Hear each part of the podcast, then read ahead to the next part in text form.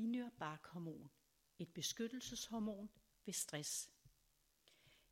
Binyrbarkhormon virker direkte og indirekte på alle vores organsystemer. Det er et naturligt forekommende hormon, som produceres i binyrerne. Det kan også fremstilles syntetisk som et lægemiddel, der kaldes glykokortikoid. Det kan nærmest kaldes et universal lægemiddel, da det anvendes til at lindre mange forskellige tilstande, såsom kræft, hudlidelser, allergi, nyrelidelser, blodlidelser, øh, obstruktive lungesygdomme som kold, astma og mange autoimmune sygdomme, som viser sig i led, muskler, kar, tarme, hjerte, lunger med mere. Når glykokortikoid tilføres, oplever de fleste mennesker en almen fysisk bedring, også i humøret. Enkelte oplever forværing. Binyrbarkhormon produceres til stadighed i binyrene og har en justerende indflydelse på hele organismen. Det er et øh, beskyttelseshormon og øger kroppens energitilførsel, så når kroppen er i en stresstilstand, øges sekretionen af hormonet ind til en vis grænse. Ved langvarig fysisk sygdom, langvarige infektioner og vedvarende følelsesmæssig belastning, som under vedvarende stress, udtrættes kroppen og hormonproduktionen reduceres. Hvis kroppen ikke længere er i stand til at producere tilstrækkeligt af hormonet, kan der opstå en tilstand, der kaldes binyrtræthed som viser sig ved en udtrætning af kroppen, blandt andet ved generel træthed og muskelsvaghed. Det er på mange måder et livsvigtigt hormon. Som lægemiddel anvendes binyrbarkhormon som nævnt til at lindre mange forskellige tilstande, og i en vis forstand kan det også medvirke til at vedligeholde kroppens ubalance, hvis man helt overser det, der oprindeligt udløste et behov for øget binyrbarkhormon. I overført betydning kan det sammenlignes med at blive ved med at hælde brænde på bålet, fordi krop og sind har vendet sig til at fungere på et niveau, der rækker ud over det, den er i stand til under de givende omstændigheder, og i forhold til det, der er dens unikke formåen. Binyrbarkhormon er et virksomt lægemiddel, som kan være akut livsreddende og så kan det være lindrende ved forskelligt ubehag. Ulempen er, at binyrbarkhormon kan give alvorlige bivirkninger, når der tilføres mere end hvad der er godt for det enkelte menneske. Det er derfor væsentligt at undersøge, hvad der ligger bag kroppens behov for øget tilførelse af binyrbarkhormon. Det indebærer også at undersøge, om et menneske befinder sig i en langvarig og vedvarende stresstilstand. Noget sådan kan være meget subtilt at erkende. Det kan også være svært at måle udefra. Kroppens stressrespons fører blandt andet til en øget binyrbark hormonproduktion. Når stressresponset og den ledsagende øgede binyrbark hormonproduktion har stået på tilstrækkeligt længe, udtrættes kroppen eventuelt med mangeltilstande til følge. Derfor er det vigtigt at undersøge, hvad der udløser stressresponset. Man behøver ikke nødvendigvis straks at finde årsagen. I stedet kan man undersøge, hvad der bringer ro og reducerer stresstilstanden i kroppen. I ro og mag kan man så undersøge de situationer, overbevisninger, vaner og følelser, som udløser stressresponset. Man kan også fortsætte med medicin og anden behandling i passende små doser, og samtidig arbejde med det, der bringer ro og forståelse, som er med til at genvinde balancen i kroppen. Øget tilførsel af glykokortikoid igennem længere tid i forhold til den enkelte persons behov kan føre til sukkersyge, knogleskørhed, mavesår, nedsat immunforsvar, hyppigere infektioner, muskelsvind, øget og ændret fedtfordeling – tynd og sart hud og hår og akne og væksthæmning hos børn. Men også til psykisk ubalance med mere. Det kan påvirke alle organer på skadelig vis og give anledning til forskellige symptomer. En ny sygdom kan således opstå ved behandling af en anden sygdom med binyrbarkhormon.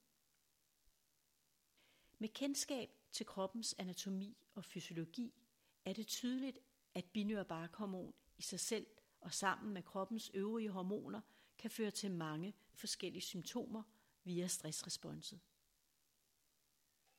Det er nærliggende at drage den slutning, at de bivirkninger og sygdomme, som lægemiddel glykokortikoid kan medføre, kan på tilsvarende vis opstå af en upassende mængde af vores egen binyrbarkhormon, når der er ubalance i vores system, som eksempelvis under stress.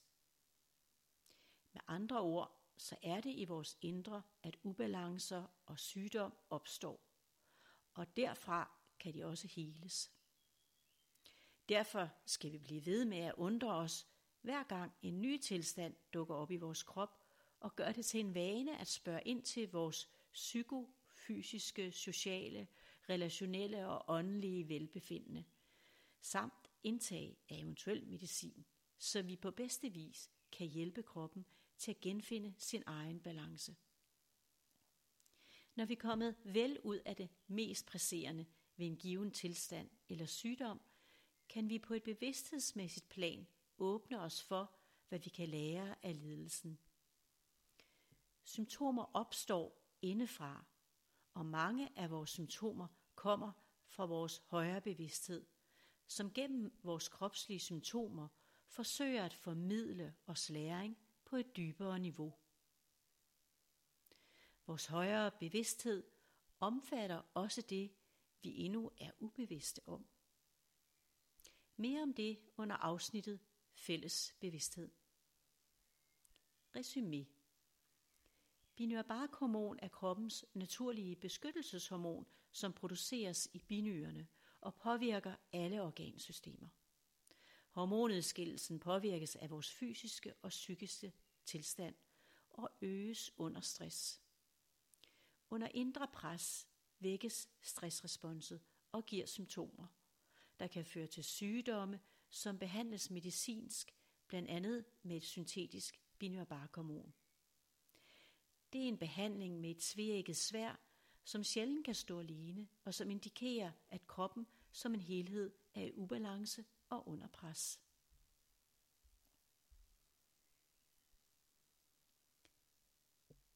Smerte tilstande Muskel- og ledsmerter og andre smertetilstande uden lægeligt set forklarlige og påviselige fund er meget almindeligt forekommende og giver ofte anledning til frustration. Da det er svært at udholde smerte, søger de fleste at dulme sig med forskellige smertestillende midler i håb om at bryde smerterne, indtil de smertestillende midler måske ikke længere kan holde smerterne på afstand. Det er vanskeligt at håndtere smertetilstande, og måske endnu mere, når den udløsende årsag er ubekendt. Jeg har gjort mig nogle erfaringer, som jeg tror andre vil kunne have glæde af. Det jeg har bemærket er, at fastlåshed i kroppens energisystem, hvad enten det er i følelseslivet, overbevisningerne eller adfærdsmønstret, kan give smerte. Det samme gælder for overaktivitet, forstået som det at yde ud over fysiske, mentale og følelsesmæssige begrænsninger. Smerter af denne slags kan lindres via en kropslig og følelsesmæssig tilgang. For at tænke og arbejde sig ud af den, kan let give flere smerter. Det kan være gennem individuelt tilpassede kropslige behandlinger og bevægelser, som samtidig bringer bevidsthed om sammenhæng mellem krop og psyke. Eksempelvis nænsomme bevidste berøringer, nænsom massage, nænsomme strækkeøvelser. Det kan også være gennem mere kraftfulde kropslige udfoldelser, uden at skulle opnå et specifikt resultat, men blot tillade kroppen at udtrykke sig spontant og intuitivt. De langsomme, nænsomme berøringer giver mulighed for at forløse dybere følelsesmæssige spændinger og kan medføre en øget sensitivitet på en værdifuld og givende måde. De kraftfulde kan vække en fastlåshed til en her og nu styrke. Det er stadig svært for mange at vise følelser, både når de melder sig spontant i en given situation, men også efterfølgende, når situationen er på afstand. Her er det svært at tænke og tale sig til en løsning. Man må i stedet give slip og flyde med kroppens sansninger, og ofte må man overgive sig til andre veje end de vante.